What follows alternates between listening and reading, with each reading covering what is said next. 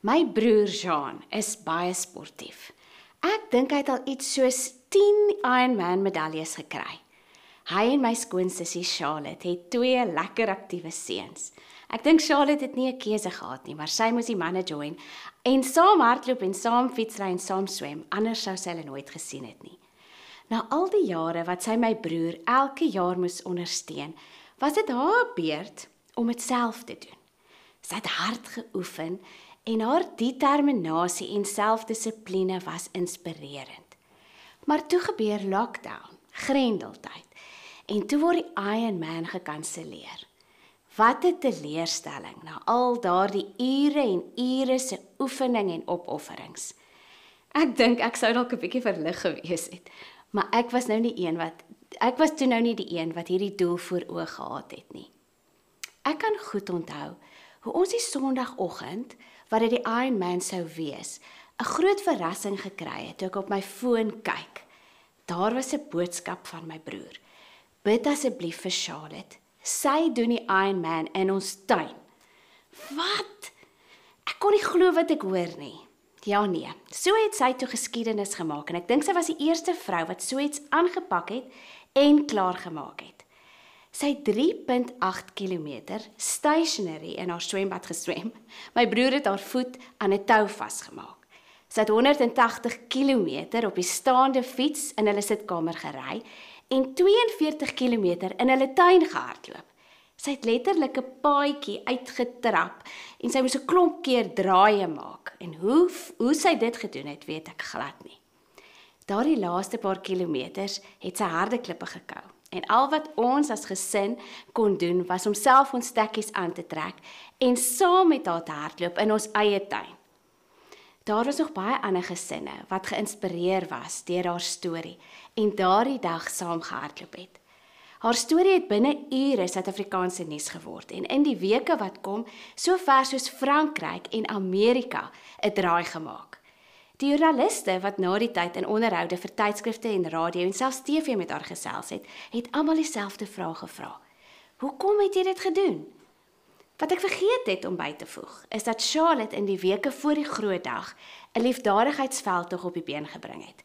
Sy het die Backup Buddy platform gebruik om vir haar vriend Philip, wat CP het, cerebrale parese het, 'n nuwe rolstoel te koop. As haar bene dit nie meer kon hou, op daardie legendariese dag nie, het sy aan Philip gedink en dit was genoeg om haar te motiveer om klaar te maak.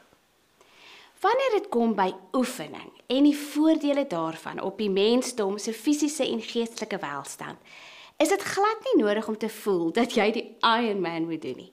Die belangrike ding in vandag se moderne samelewing, waar ons so baie sit en ry, is om net aan die beweeg te kom.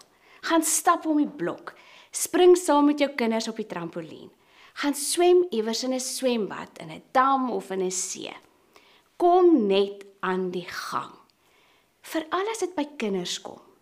Dan kan ons gerus oefening herdefinieer.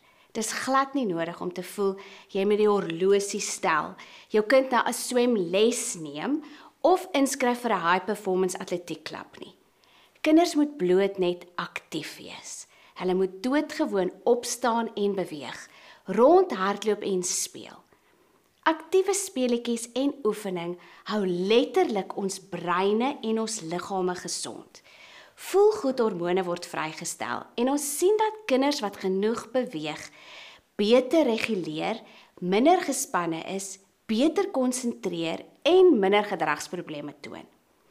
In my praktyk sien ek elke dag kinders wat nie genoeg beweeg nie en dan sukkel om hulle lyfies regop te hou. Met goeie koördinasie en balans te klim en klouter en selfs hulle potlode vas te hou. Maar jy mag dalk nou maar vra, maar wat is genoeg? Ons beveel aan dat kinders ten minste 60 minute vir 'n uur lank fisiese aktiwiteite doen per dag. So vra jouself 'n bietjie af. Is my kind aktief vir ten minste 'n uur per dag? Somstyds moet ons net 'n bietjie kreatief wees en doelgerig daaroor wees om seker te maak ons kinders beweeg genoeg. Slegte weer hoef jou nie af te sit om daai lyfies aan die beweeg te kry nie. Sit 'n lekker liedjie op en dans in die huis. Maak 'n hindernisbaan in jou sitkamer. Gooi die bank se kussings op die grond. Kruip oor die kussings, kruip onder die tafel, rol oor 'n kombers. Doen krywaarloop van die kombuis tot in die badkamer. Moenie dink dat jou kinders 'n groot tuin, 'n klimraam, 'n trampolien of die beste sporttoerusting nodig het om te beweeg en hulle vaardighede of skills te ontwikkel nie. Tel jou kind sommer op en swaai hom in die ronde, speel wegkruipertjie, blaas 'n ballon op en speel handjie tennis. As jou kind nie wil beweeg nie en nie hulle gunsteling TV-program of speletjie wil afsit nie, is die geheim om iets te kry wat jou kind geniet en om dit saam met hulle te doen. Jou kind sal dit love as jy saam met hulle oefen en speel. Veral as ons soms 'n bietjie terughou en hulle laat wen gaan grawe daai ou tennisraket uit en slaan 'n paar paar balle. Maak 'n seepkuskar met 'n krat en wiele en jaag in die straat rond. Ek wil jou aanmoedig. Wees doelgerig en kry jou kinders aan die beweeg. Jou kind se lyfie, sy brein, sy ontwikkeling en sy gesondheid sal daarby baat vind.